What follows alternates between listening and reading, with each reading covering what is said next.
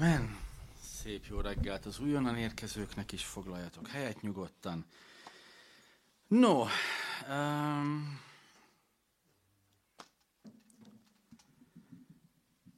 mi az, amit, uh, ugye egy új sorozatba kezdünk, aminek az a címe, hogy Isten szíve, és Isten szívét a szövetségén, a törvényén, a parancsolatán keresztül szeretnénk meglátni, mert azt feltételezzük, hogy a szívéből származnak azok a gondolatok, amiket ezekben megfogalmazott.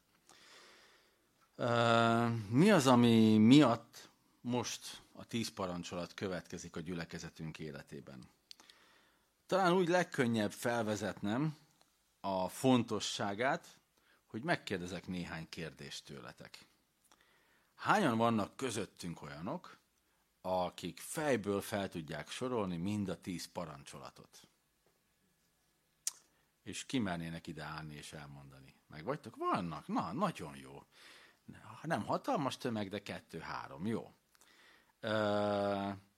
Hányan vannak, akik tudják, hogy hol található? Ez egy könnyebb kérdés. Egy, kettő, három, négy. Ó, jó van, ez már több. Legalább tudjuk, hol kell keresni, ugye? A tíz parancsolat. Több pontja. Univerzális, nemzetközi, mindenhol ott van az etikában, az erkölcsben. A világ majdnem minden pontján, nem mindenhol, de majdnem minden pontján ugyanúgy gondolják, hogy rossz dolog ölni, gondolják, hogy rossz dolog lopni, rossz dolog elvenni azt, ami a másé,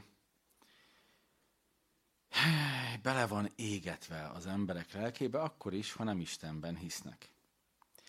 Mindez ugye eredetileg Istentől származik. Mi pedig, akik a követői igyekszünk lenni, nem ismerjük az iránymutatásának a mélységét. És ha egy dolgot szeretnék így, vagy nem tudom, inkább mondjuk a top 5-ben biztos benne van, hogy mi az, amit szeretném, ha eljutnánk rá ez a sorozat folyamán, akkor az egyik az biztosan az, hogy mi a mélysége mindezeknek a parancsolatoknak. Mi a mélysége, honnan táplálkozik, honnan jön mindaz, amit Isten adni akar nekünk, amit kér tőlünk, amire azt mondja, hogy ne tegyük. Honnan táplálkozik, milyen mélységből? A reformáció után alig pár évvel, amikor a Biblia eljutott először anyanyelven bárki számára elérhetővé vált, némi túlzással, mert limitált volt a nyomtatás, drága volt, nem tudta mindenki megfizetni.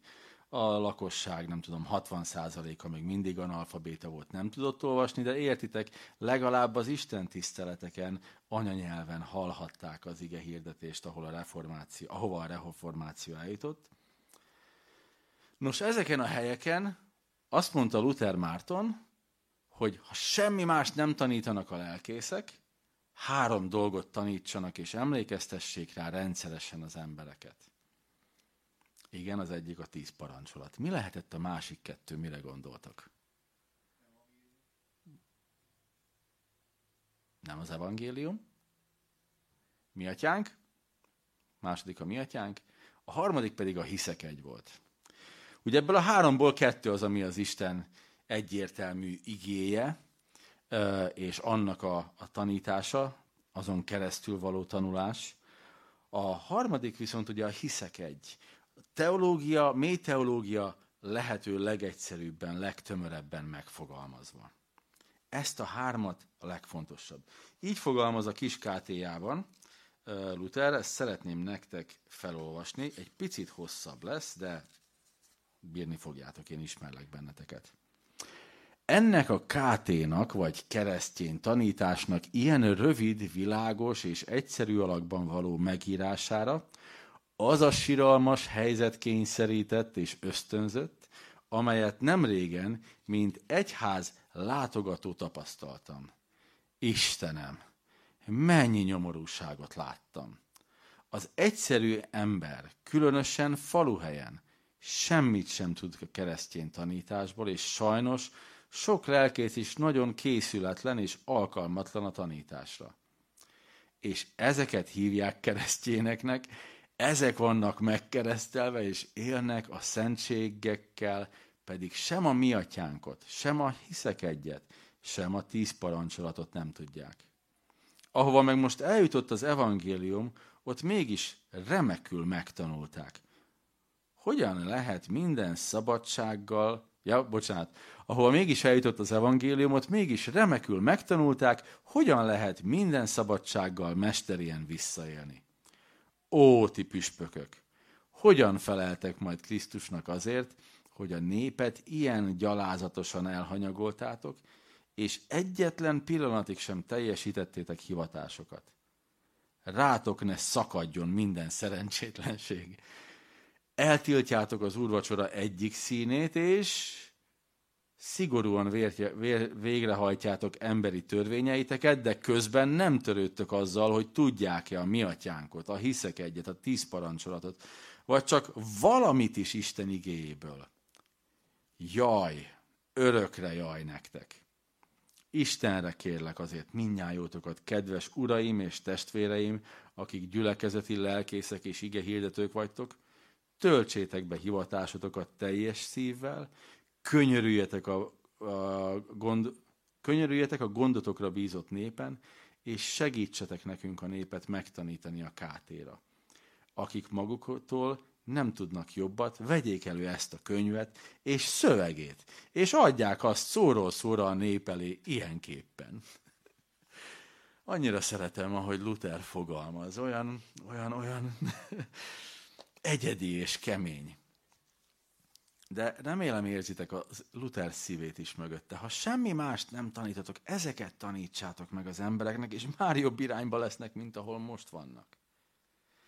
Az idei évnek jelentős részét legalább 13, 4, 5, 6 héten keresztül azzal fogjuk tölteni, hogy Luthernek eleget teszünk, nem? azzal fogjuk tölteni, hogy megpróbáljuk Isten parancsolatának a mélységét feltárni. Nem azzal a céllel, ha bár reményeim szerint ez be fog következni, hogy fel tudjuk mondani fejből a tíz parancsolatot, és Laci, én megtanultam, és kipipálható. Sokkal inkább azért, amire ugye eljutottam eddig tanulmányozásaim során, során, hogy ezeken keresztül meglássuk együtt Isten szívét. Annyira gyönyörű dolgok rajzolódnak ki. Majd lesz ezzel kapcsolatban házi feladat is. Eddig nagyon kényelmes volt az élet, nem voltak ilyenek. Mostantól lesznek. Pedig ha valamire az embernek szüksége van, hallhattuk, az az, hogy megismerje, hogy ha van Isten, akkor ő milyen szívvel van az ember felé. Hogyan tekint le rám, amikor, amikor minden nap letekint rám, hogy megismerjem az ő személyét jobban. Képzeljétek el, hogy olyan lenne a barátság, hogy hm, nem érdekel a másik ember. Ezt nem nevezzük barátságnak. Ha olyan lenne egy családi kapcsolat, hogy hm, hát, drága tesókám, így nem érdekel, hogy téged ez nem érdekel. Én akkor is elmondom neked. Ugye? Nem így viselkedünk azok felé, akit szeretünk. Mennyivel Isten, mennyivel inkább, ami drága Istenünk felé, kell, hogy legyen ilyen szívünk, hogy de engem érdekel. Na most erre teszünk egy, egy rendszerezettebb kísérletet, de véletlenül sem merev és dogmatikus módon. Előre szólok, elbuktam akkor, ha bármelyik tanításon végén innen úgy álltok fel és mentek az utatokra, hogy méricskéritek magatokat, hogy hú, vajon ezt a parancsolatot mennyire tartom be? Nem ez a cél. Előre szólok, nem feleltek meg egyik parancsolatnak sem. Mindegyikben elbuktatok, mindegyikben el fogtok bukni. Ne is ezzel kezdjétek. Annyira, a gyerekek annyira jó példák sok mindenre. Minél kisebb a gyerek, annál fontosabb neki, hogy ő milyen magas. Nem tudom, ezt megfigyeltétek-e. Az én kicsi drágáim, ugye azt vezettük be, hogy lemértünk, az volt a terv, hogy évente egyszer mindenkit lemérünk, és az ajtó félfára húzunk így filccel egy csíkot, és odaírjuk a dátumot, meg a nevét. Na most ebből az lett, hogy egy idő után már így kb. hetente akarták méricskélni magukat, és ilyen fél centinként húzták be a csíkot a drágák, Ha nem voltunk otthon, simán megcsinálták, tehát, hogy ha mi otthon voltunk, akkor nem, nem nőttél még annyit, hogy érdemes mérni, ugye? Na, ilyenek vagyunk, amikor méricskéljük magunkat. Hogy igen, az a testvér az nagyon ítélkezően beszél, de hát én nem. Ugye? Hát az, az, az a testvér az hát időnként elcsúszik a lopás, nagyotmondás, hazugság. Állandóan azon kapom, hogy kívánja a szomszédjának az autóját, vagy a feleségét, vagy a tehenét, ugye? De hát én, én nem. Én ennél jobb vagyok, ugye? Na ilyenkor jusson eszetekbe az, hogy Isten pici gyermekei vagytok, és nem nagyok. Akik már nem méricskélik magukat, hanem de jó, hogy egyáltalán élhetek, és Istennel élhetek. Remélem ez egy ilyen kegyelmes jelzés volt.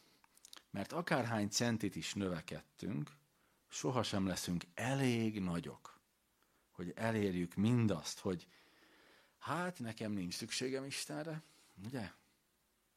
És ez így rendben is van, mert szükségünk van Istenre. Mindig és mindenkor. És még ha tudom is, hogy nem ez a tudatos célotok, akkor is nagyon fontos, hogy a ti, és erre nagyon sokszor foglak emlékeztetni benneteket, hogy a tíz parancsolatra ne így tekintsünk. Fú, a tízből már, már sikerült kettőt betartanom egy héten át a jövő heti célkitűzés, a három. Ha nagyon lelki vagy, és tényleg iszonyatos önkontrollod van, akkor pár hétig fogod ezt tudni csinálni, de el fogsz bukni és soha nem fogsz eljutni arra, hogy a tíz parancsolat, mind a tíz pontját betartsad. És soha el ne bukjál, mert akkor fogsz elbukni, mert el fogsz kezdeni büszke lenni magadra. Mert ezt te érted el. Nem ezért van itt a tíz parancsolat. Nem azért van itt, hogy azt gondoljuk, hogy fú, megy ez nekem egész jól. Ugye? Pálapostól, aki egy nagyon hangyányival lelkibb volt, mint te vagy én, ő azt mondta, hogy nincs bennem semmi jó. Igaz? Na most, ha Pálapostolban nem volt semmi jó, akkor bennem csak rossz van. Ugye? Sőt, Pálapostól azt mondja, hogy a cselekedeteim, amiket tudok tenni, azok olyanok, mint a mocskos rongyok. Bármi jó, amit tudok tenni, ahhoz képest, amilyen szent az Isten, összehasonlíthatatlanul koszosabb, mocskosabb. Nincs semmi gond a jó cselekedetekkel, csak ha a szent Istenhez mérjük, akkor, akkor felesleges, és nincs is rá szükség. A rossz hír tehát az, hogy a tíz parancsolat nem mérőszalag, hogy mekkorát nőttél, és megtapsolunk a végén, hogy annyira ügyes vagy. Nem mintha a gyerek növekedésének bármi köze lenne önnön magához, ugye eszik, alszik, iskolába jár, eszik, alszik, iskolába jár, és nő. Ugye? Nem, nem, nem, nem magát növeszti, hanem, hanem egyszerűen csak természetesen bekövetkezik. Nincs mérőszalak. Erről, illetve ennek a tíz parancsolat is summájáról majd egy picit később többet fogok mondani, ugye az egész törvényadatot, és annak egy része a tíz parancsolat. Van hat darab feltétel nélküli szövetség, ugye az Ádámi. Élni fogsz, miután a bűnbe, bűneset megtörtént, de vérrel, verejtékkel fogod keresni a kenyeredet. Élni fogsz, drága Éva, de fájdalommal fogsz szülni, stb. stb. Noéval a szövetség, emlékeztek, miután a Noé bárkája kikötött és újraindult a történet, mit mondott Isten? soha többet, szövetséget kötök veled, soha többet nem pusztítom el a földet. Nem hozok ilyet a földre, soha többet. Ábrahámi szövetség, nagy néppé teszlek. És annak is annyira gyönyörű részei vannak, hogy csak egyetlen egy magját látta Ábrahám. Azt is úgy, hogy előtte nagyon elrontotta a dolgokat, amit ennek Izrael és a földbolygó mai napig részben issza a levét. Szóval nagyon érdekes dolgokat lehet ott is tanulni. Van egy földterület szövetsége Izraellel, van egy Dávidi szövetség, ugye Dávid, hogy királyon keresztül jön el majd a megváltó, és hát ugye az új szövetségi szövetség, szerződés Krisztusban. Ugye ez a maradék hat szövetség, ezek feltétel nélküliek. Isten azt mondja, hogy ezt adom. Elveszed, elveszed. Akkor nem, akkor nem. Ezekben Isten kijelenti, hogy a szövetség másik résztvevőjének, a szövetség másik résztvevőjének kijelenti, hogy mi fog történni. Függetlenül attól, hogy a másik személy hogyan dönt.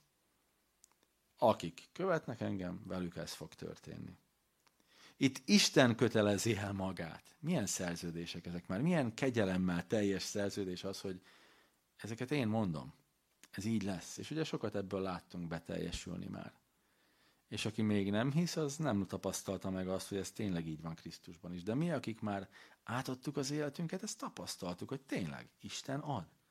Isten velünk van, soha el nem hagy. És nagyon szeretem azt, hogy Isten minden emberrel van. Sokszor szoktam ezt mondani, és még fogom is, hogy minden egyes embriót Isten formál az anyamékben. Akár valaki megtér élete folyamán, akár nem.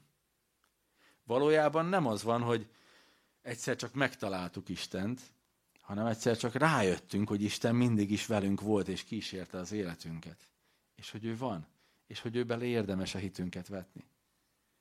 Mi voltunk azok, akik mélyre zuhantunk, mi voltunk azok, akik eltávolodtunk.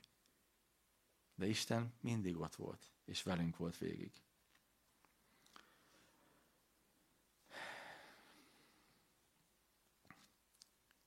Mindezekben a szövetségekben szerepel kérés.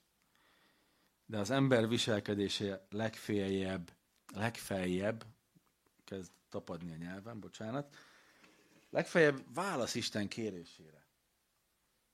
Tehát ilyenkor Isten kérésére csak azt mondjuk, hogy igen, Uram, én adok ennek egy esélyt. Azt hiszem, már ennyiből is láthatjuk azt, hogy Isten kapcsolódni szeretne. Isten kapcsolódni akar. Mindig is ez volt a vágya, és most is ez a vágya. Ha ezeket a szövetségeket kicsit mélyebben tanulmányozzuk, akkor azt is látjuk, hogy minden esetben jobbító, segítő szándék vezérli Istent. Tanító szándék vezérli Istent. A, a Mózesi szövetségben nincs olyan, aminek ne lenne pozitív célja. Nem tudtok mondani egyet sem, ha végig tanulmányozzátok azt a több száz törvényt. Vannak egészségügyi törvények, amivel az egészségét védi Izraelnek. A sertéshús, hogy miért nem ehettek, és nem ehetnek, egyébként mai napig sem esznek sertést. Ugye nagyon egyszerű oka volt. Olyan, ugye nem tudtak tárolni, nem tudtak tartósítani húst és a sertéshúsban olyan baktériumok fejlődnek ki, amik halálosak lettek volna abban a korban. Ma is egyébként némelyikbe bele lehetne halni, ha ennénk belőle. De mi ma már hűtőben tároljuk a húst, ezért megvan az a luxusunk, hogy akár disznóhúst is ehetünk. A legjobb a vegánok útja, én ezt tudom, tisztában vagyok vele. És, és áldottak a vegánok, mert ők disznóhúst sem esznek, de mindazok, akik fogyasztunk néha napján azért sertéshúst, nem fogunk a pokolra jutni emiatt. Legalábbis én nem ezt látom a Bibliából. Szóval értitek, hogy a kedvencem a ha szükségedet végzed, menj ki a táboron kívül, áss egy gödröt. Tehát a Bibliában ilyen is van, hogy vidd a fekáliát kívül azon a helyen, mint ahol laksz.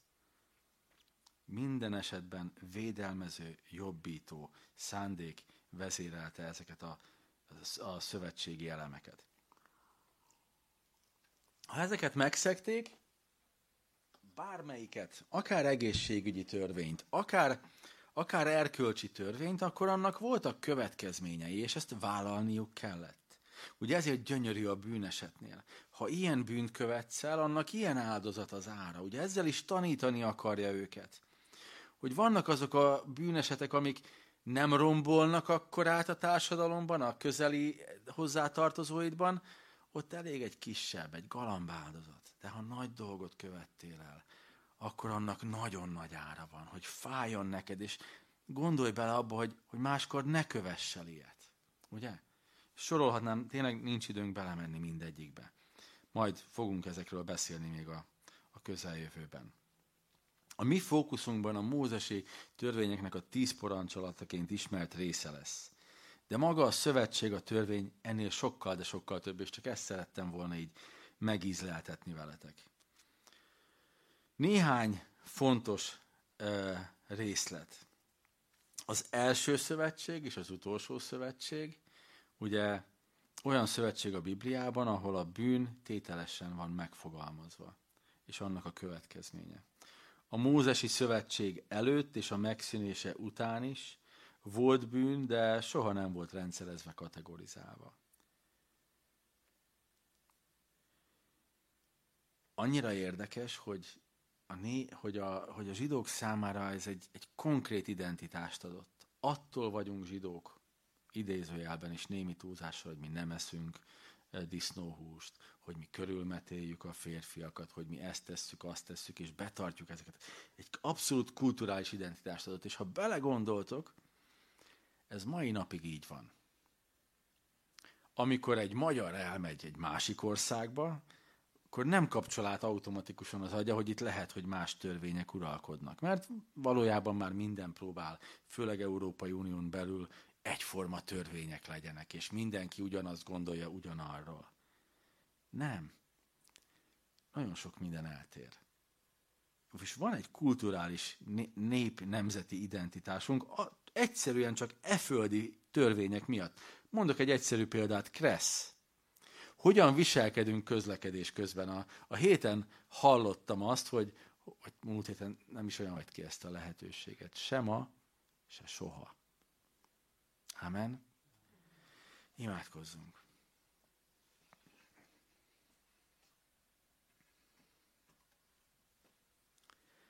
Menyei atyám,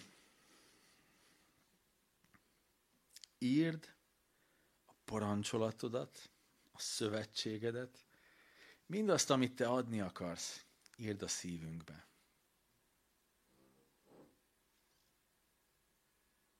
Járjon át bennünket a szavad. Ne az én gondolataim járjon át engem. Ne a világ gondolatai járjanak át bennünket. Ne a világ terhei járjanak át bennünket. Ne az, hogy koronavírus vagy nem koronavírus, oltás vagy nem oltás, pozitív teszt vagy negatív teszt, munkahely vagy munkanélküliség, kifizetetlen számla vagy, vagy habzsidőzsi bőség, és nem tudok mit kezdeni a pénzemmel helyzet. Ne ezek járjanak át bennünket. A te parancsolataid, a te szavad, a te kijelentett szavad járjon át bennünket. Erre vágyunk. Ez az imádságunk. Erre kérünk téged, Istenünk. Ahogyan most dicsérünk majd téged, az az imám, hogy ez a vágy szülessen meg mindannyiunkban. Ámen.